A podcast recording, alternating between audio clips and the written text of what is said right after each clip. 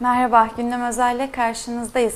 Bugün Gündem Özel'de Şule İdildere 2018 Türkiye ve İstanbul Hafriyat Kamyonu Beton Mikseri ve Kamu Hizmeti Can Kaybı raporunu konuşacağız. Ee, yeni hazırlanan bir rapor bu. E, 2018 yılından başladı e, ve bundan sonra da devam edecek bir rapor. Peki bu rapor ne? E, hangi amaçla hazırlandı, kimler hazırladı e, bunu konuşacağız ve elbette e, sayıları gittikçe artan hafriyat e, kamyonu beton mikseri cinayetlerini konuşacağız bugün.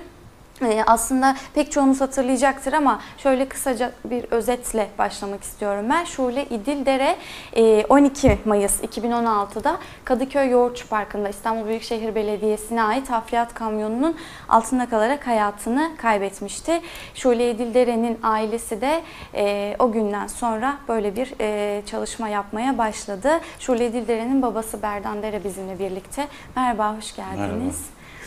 E, bir rapor hazırladınız. E, hafriyat kamyonu ve beton mikseri e, raporu. E, burada 2018 yılında hayatını kaybeden, bu cinayetlerde hayatını kaybeden e, vatandaşların e, isimleri yer alıyor ve e, kim nasıl ölmüş, en çok ölüm nerelerde yaşanmış raporda ayrıntılarıyla incelenmiş bunlar.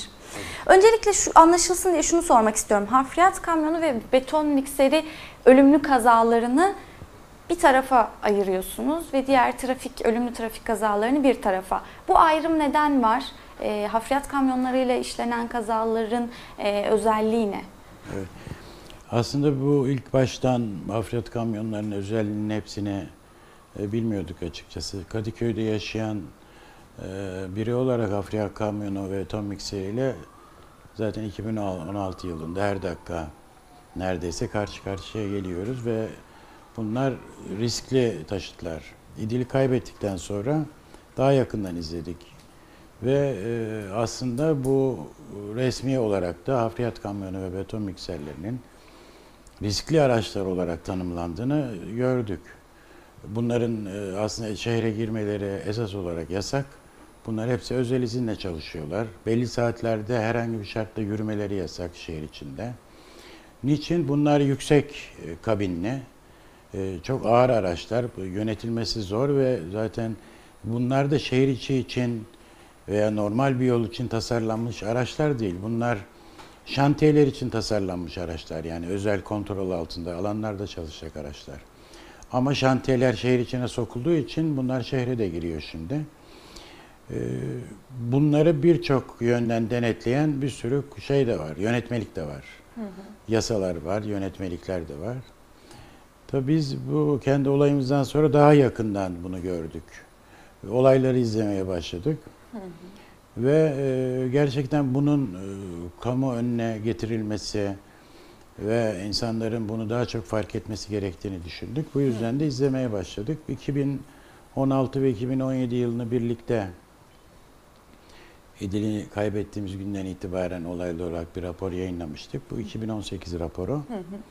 Aslında raporun içeriğine bakınca niye böyle bir rapor yayınlıyoruz daha e, şey anlaşılıyor, daha iyi anlaşılıyor.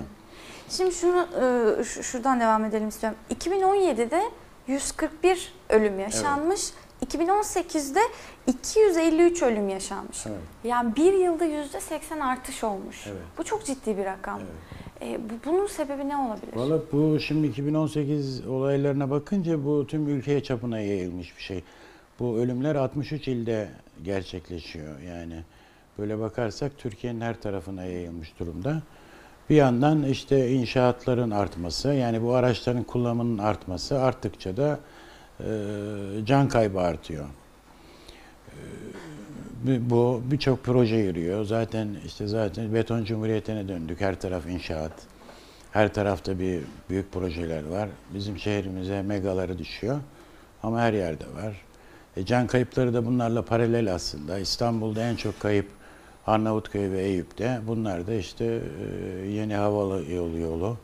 Yani büyük projelerin yürütüldüğü alanlara giden yollar. Buralarda zaten bu yollara çıktığınızda e, görülen can kaybının az bile olduğunu düşünüyorsunuz. Çünkü pervasız şekilde giden gelen araçlar. E, 63 olayda her 3 olayda bir can kaybı Evet, yaşanmış yani notu var bunların- raporda. Karış karıştığı olayların üçünden birinde mutlaka can kaybı oluyor. Tabii bir sürü yaralı var, Evet. başka kayıplar var, 3 yaralı varmış. sakat olanlar var, 943 yaralı ki bunların içinde ağır olanlar da var. Tabii bunlar bizim izleyebildiğimiz, biz bunları Ha. e, yerel basın, ulusal basın, görsel e, yayınlardan izliyoruz. Bir ölçüde e, sosyal medya paylaşımlarından doğrulamaya çalışıyoruz. E, yani bu öyle bakarsak kuşkusuz bundan daha çok sayı var. Evet. İşte önemli olan raporu yayınlama nedenimiz de biraz da o. Şimdi bakın bu tablo hiçbir kamu istatistiğinde e, yansımıyor. Yani istatistik e, TÜİK e, raporlarında bu rakamlar yok. Genel kaza raporları olarak geçiyor. Yani TÜİK bilgiyi de emniyetten alıyor, jandarmadan alıyor, karayollarından alıyor. Ama onlar da bunu e, bir tasnife tabi tutmuyorlar. Yani bunlar özel araçlardır. Bunların yol açtığı e, olayları bilmek lazım. Şimdi bu önemli şunun için. Şimdi devletin resmi, kamunun resmi rakamları bunlar. Kamu mesela bugün İçişleri Bakanlığı e, trafik için bir kampanya başlatıyor. Bunun başlangıç için dayandığı nokta ne? Trafik kazalarındaki can kaybı sayısına bakıyor ve buna karar veriyor. Bir kampanya yapıyor. Peki bu beton mikserleri ve hafriyat kamyonlarının yol attığı sayısal olarak ortaya çıkmazsa bunun önlemini kim alacak? Şimdi bu geçenlerde emniyet bir şey yayınladı. Televizyonların bir ikisi de yayınladılar. Bin- 2017'de 5 kişi, e, 2018'de 4 kişi hayatını kaybetti diyor hafriyat kamyonlarıyla İstanbul'da.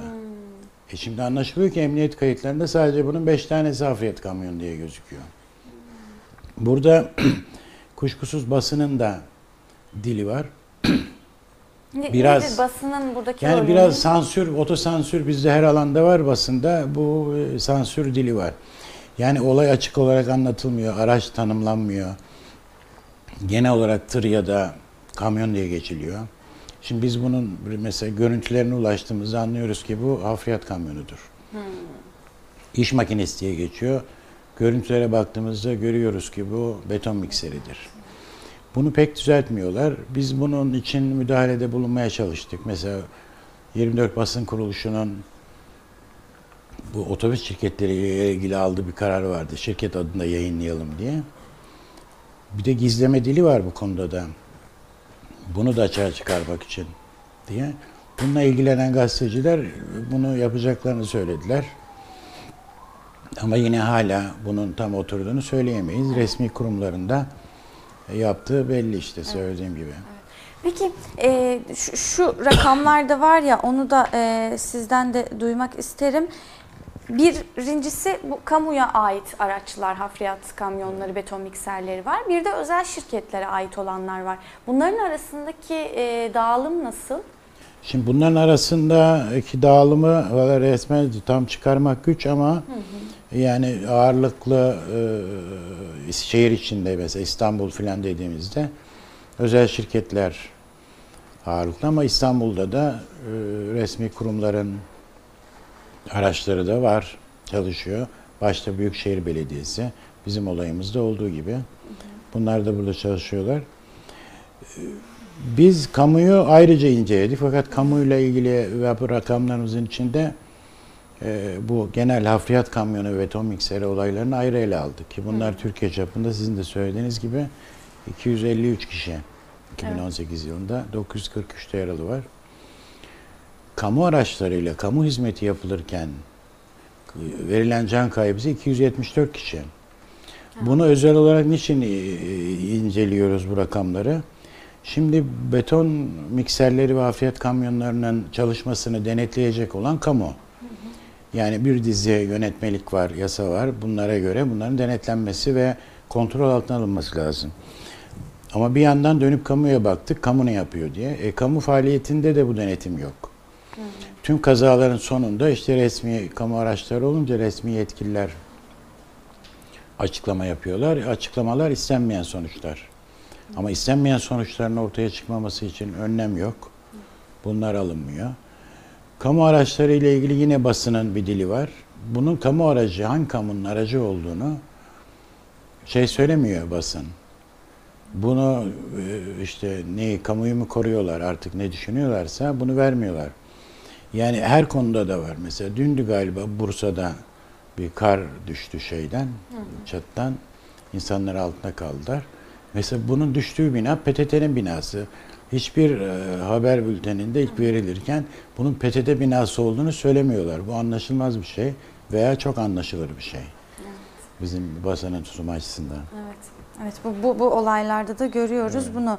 Ee, ilk 5 ili de e, söyleyelim. İstanbul, İzmir, Kocaeli, Ankara ve Maraş. Evet. İlk 5 il arasında bunlar yer alıyor. Ee, aslında e, söylediğiniz gibi başta yani inşaatların bu kadar arttığı ve şehir içine girdiği yerlerde elbette bu sayılar da Sayılar artıyor. artıyor. Şeye tekrar dikkat çekmek istiyorum ben. İstanbul'da en çok can kaybının 2018'de yaşandığı ilçeler Arnavutköy ve Eyüp dediniz. Bu aranın da 3. E, havalimanına giden yol olduğunu Tabii, söylediniz. tabii. Ve onun inşaatı sırasında yaşanan e, ölümlü kazalar bunlar. E, zaten 22 kişi hayatını kaybetmiş bu güzergahta. Evet. 11'i de yayaymış. Yayalar. Bu yayalarda kendi sokaklarında, mahallelerine can veren insanlar. İşte Peki- Üçüncü havalanı inşaat deyince zaten önce akla şey geliyor. Onlar kendilerine uçaktan çok ilk önce hafriyat kamyonuyla kategorize ettiler. İşte yıl dönümleriyle, kamyonlarla gösteriler Ona yaptılar. bir tepkiniz de olmuş. E yani olacak bir şey değil. 1453 tane kamyonu dizip İstanbul'un fethini kutlamak hangi aklın şey olabilir, eser olabilir? Yani burada e, bence bu araçlarla insan ilişkisine hiç dikkat etmediklerini, akıllarına bile gelmediğini gösteriyor Değil mi? aslında bu. Evet. Peki e, denetim yok diyorsunuz ya ne özelde ne kamuda. E, mesela kamuda bu denetim nasıl olmalı? Bunun bir, bir, bir zinciri var mı? Şimdi bunun bir kere bu aracın şehir için özel karneleri var. Ee, özel izinleri var. Ee, şoförün özelliği, özel eğitimi gerekli. Bunların yürüyeceği yolların saptanması lazım. Şimdi bunlara bir izin veriyorlar. Yani o izinle her yere girip çıkıyorlar. Şimdi böyle bir şey olmaz olamaz. Yani şehir içinde dar sokaklarda bile hareket halindeler. Yani buradaki girmeleri herkes için risk. Bunun önlenmesi lazım. Bunun mantıklı yolu bu araçların şehir içine sokulmaması. Ve bu çünkü hafriyatın taşınması için başka araç yok, yok değil. Daha düşük kabinli araçlar, daha düşük tonajlı araçlar, hareket ederken daha az risk yaratacak araçlar olabilir. Bu araçlarla da bu işler yapılabilir. Temel önlem bu olmalı. Buna varıncaya kadar bunu yapamıyorsanız da o zaman bu araçları denetlemeniz lazım. Şimdi bu kam bir kamyon e, bir günde gittiği yol belli, kaç sefer yaptığı belli. Bunların üst- üstüne cihazlar da var. E bunun normal şartlarda bu kadar işi yapamaması lazım. Buna niye göz yumuluyor? İşverenler için, patronlar için bu maliyet unsuru. Kamu için de maliyet unsuru olarak görüyor. Bu maliyeti yolları tahrip ederek, insanların e, canına kıyarak e, yapıyorlar. Yani sonunda maliyetin bir bölümünü insanlar canıyla ödüyor, bir kısmını da belediye bütçesinden ödüyor.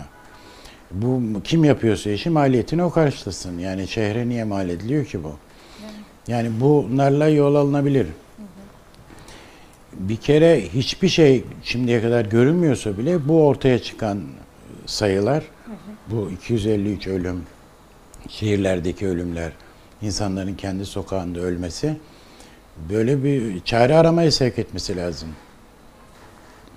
Çare var mı? İlk çare var aslında. Bir sürü yasa yönetmelik var. Bunların uygulanması lazım.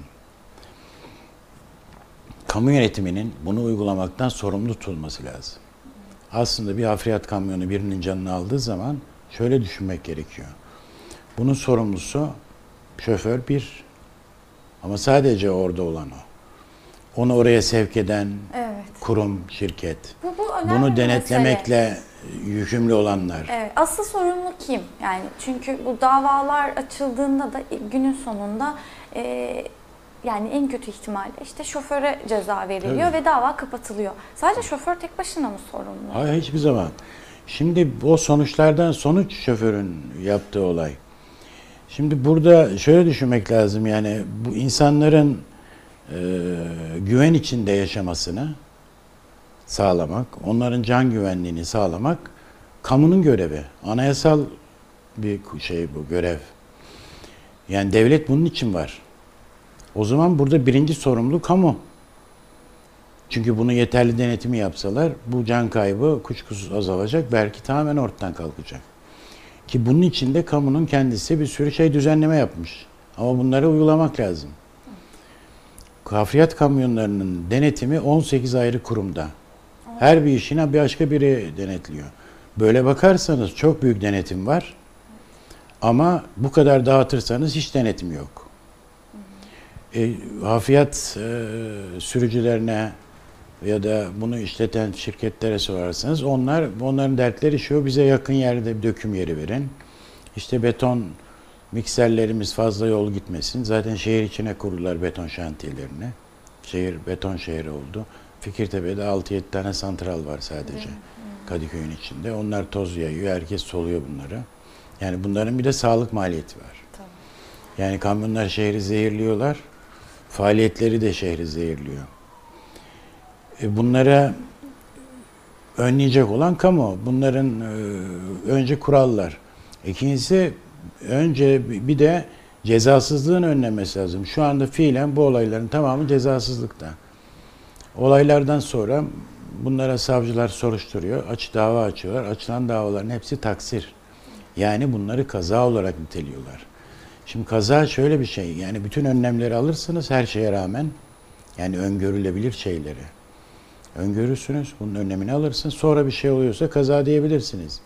Şimdi burada ön, riskli bir araç olduğunu biliyorsunuz. Bir sürü kural koyuyorsunuz. Bunların hiçbirine uyulmuyor. Yani bir kere böyle bir şeyde şey olmaz, taksir olmaz. Bu kaza değil. En hafifi bilinçli taksir. Hatta bile bile bunlar yapılıyor. Yani o aracı yola koyuyorsunuz. Yola çıkan bu aracı bilerek denetlemiyorsunuz. Yani biliyorsunuz ki bu araç riskli bir araçtır ve böyle bir olasılık var. O zaman bu olası kasta giriyor. Yani böyle yargılamanız lazım. En alt düzeyde ceza verildiği zaman dava açıldığında bu düzeyden ceza veriliyor. E ondan sonra da biliyorsunuz mahkemede kravatlı olursanız filan İndirim. indirimi de oluyor. En alt düzeyde ceza aldığında da bunlardan hapis cezası olmuyor. Paraya çevriliyor veya erteleniyor. Çünkü bu sınıra giren şeyler. Sonunda cezasızlık oluyor. Kim için cezasızlık? Kamu yönetimi için zaten cezasızlık var. Kamu yönetimi yargılanıp yargılanmayacağına kendisi karar veriyor. İstanbul'da bir olay oluyor. Kamu yöneticilerinin ihmali oluyor. Buna karar veren onların başındaki kişi vali. Vali diyor ki benim yöneticilerimi yargılamayın. Bizim olayda olduğu gibi bilirkişi raporu çıktı. Bu işi yapan İstanbul Büyükşehir Belediyesi yaptırdığı da İstaç Büyükşehir Belediyesi'nin firması. Onun şirketi. İstanbul'daki bu makineyle işlerin hepsini bu İstaç yapıyor. Şimdi bu yukarıdan aşağı müteselsiz sorumluluk var diyor bilirkişiler. Savcılığın yaptığı üç bilirkişi raporu, mahkemenin hazırladığı dördüncü bilirkişi raporu böyle söylüyor. Yukarıdan aşağı sorumlulara baktığınızda belediyeden 11 isim için soruşturma izni istedi savcı. Valilik yukarıdan itibaren 8 kişiye izin vermedi. Alttan 3 kişiyi mahkemenin önüne gönderdi. Yani onları yargılamıyor. Cezasızlık. Ama bir yandan da bakıyoruz mesela dava sürecimizde bizim oldu. Ee, İstaç'la Büyükşehir sorumluları yargılanıyor işte buradan insanlar. E, Büyükşehir'deki diyor ki bizim sorumluluğumuz değil burada şey almak. Büyükşehir'in resmi yazısında da böyle. Yani burada diyor bizim değildir, İstaç'ındır. İstaç diyor ki bizim değildir.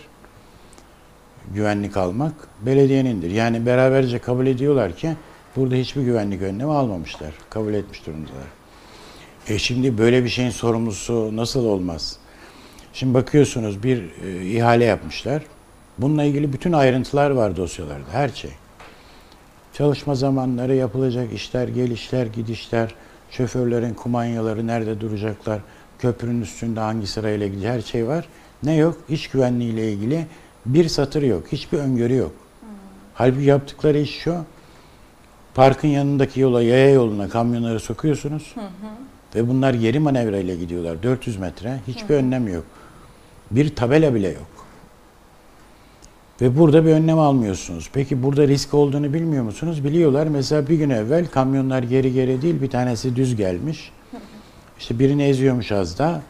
Kendileri rapor etmişler merkeze. Diyorlar ki ya bunlar düz giderken e, burada can kaybı oluyordu. İşte iki kişi de suya düşmüş. Bu geri geri gelirken ne olacak bu iş? Diye geri geri gelmeye devam ediyorlar. Bu zincir haline devam ediyor. Şoför de diyor ki geri gidiyordum. Hakim soruyor. Görüyor muydun? İşaretçin var mıydı? Yok. Bunların hareket etmesi sırasında işaretçi bulundurmaları zorunlu. Niye? Çünkü arkalarını görmüyorlar. Kör noktalar var. Yani işaretlisiz hareket etmemeleri lazım. İşaretçi var mıydı? Yok. Arkayı görüyor muydun? Tam göremiyordum. Ağaç dalları geliyordu. E nereye gidiyordun? E şimdi bakıyorsun sorumsuzluk yukarıdan aşağıya kadar geliyor. Şoföre kadar geliyor. Yani yalnız şoförün sorumsuzluğu meselesi değil bu. Evet. Peki sorumlulara yargılamak mümkün mü? Mümkün değil, izin verilmiyor. Ki bizim olayda biraz da şey, e, trajikomik bir şekilde valilik belediyeden müfettiş istiyor. Ha. Şimdi bu olayın da birinci sorumlusu olarak gözüken kişi olaydan sonra belediye teftiş kurulu başkanı oldu. Yani birinci sorumluya dan müfettiş istiyor. Birinci sorumlu da bir müfettiş tayin ediyor. Hı hı. Yazısı var. Şimdi müfettişe diyor ki seni müfettiş tayin ettik şu iş için. Ondan iki gün sonra da eski ünvanıyla ona yazı gönderiyor ki benim bu işle alakam yoktur diye. Böyle de bir şey.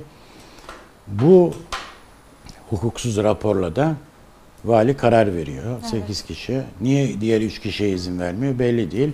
Ona da kim karar vermiş? Belediye karar vermiş aslında. Çünkü belediye müfettişi söylemiş onlara. Mahkemede söylediler. Siz üçünüz mahkemede şey aklanacaksınız. Diğerleri o mahkemeye gitmeyecekler diye. Davada e, böyle bu aşamada. Yani kamunun işi ele alışı böyle. Evet. Birinci Şimdi- sorumlunun. E, İdil'in davası 8. duruşması 10 Nisan 2019'da görülecek.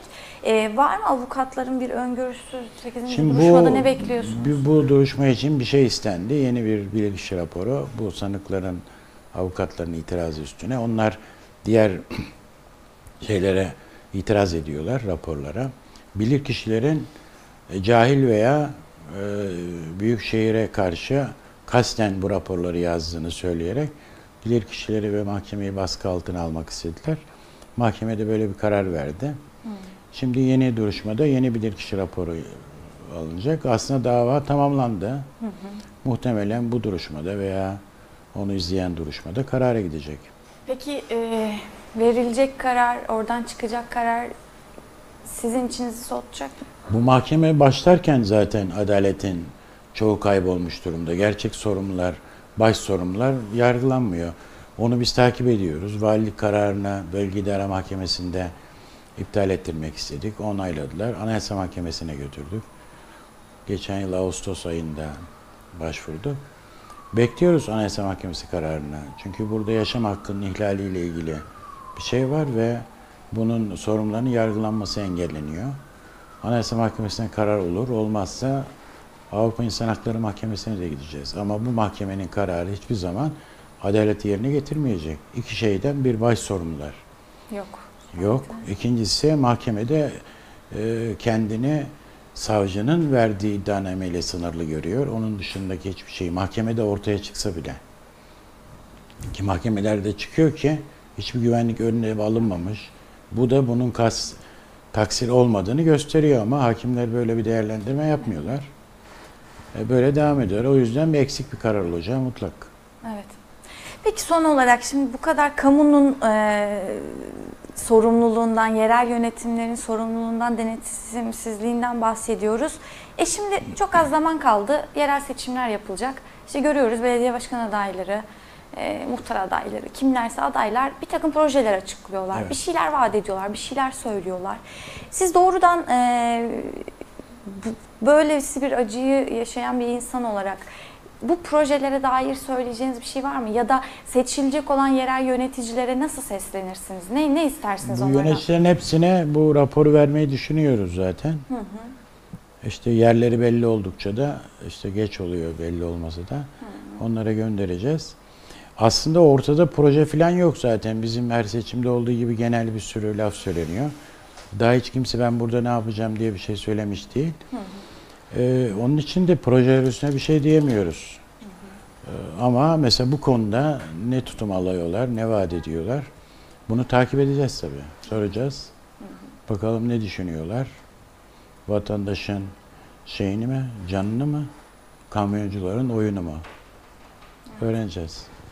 Evet. Çok teşekkür ediyorum ben, Ben teşekkür geldiğiniz ederim. için, değerlendirmeleriniz için. Ee, çalışma devam edecek değil mi? Tabii, devam etmek istiyoruz. Devam Tabii, edecek, tabii. çalışmalar devam edecek. Ee, bunları yakından takip etmeye devam ediyorsunuz. Çok teşekkürler. Ee, duruşmada e, yaklaştığında yine konu ediniriz elbette. Kolaylıklar diliyorum size. Teşekkür ederim. Sağ olun. Evet, Gündem Özel'in bugünlük sonuna geldik. Görüşmek üzere.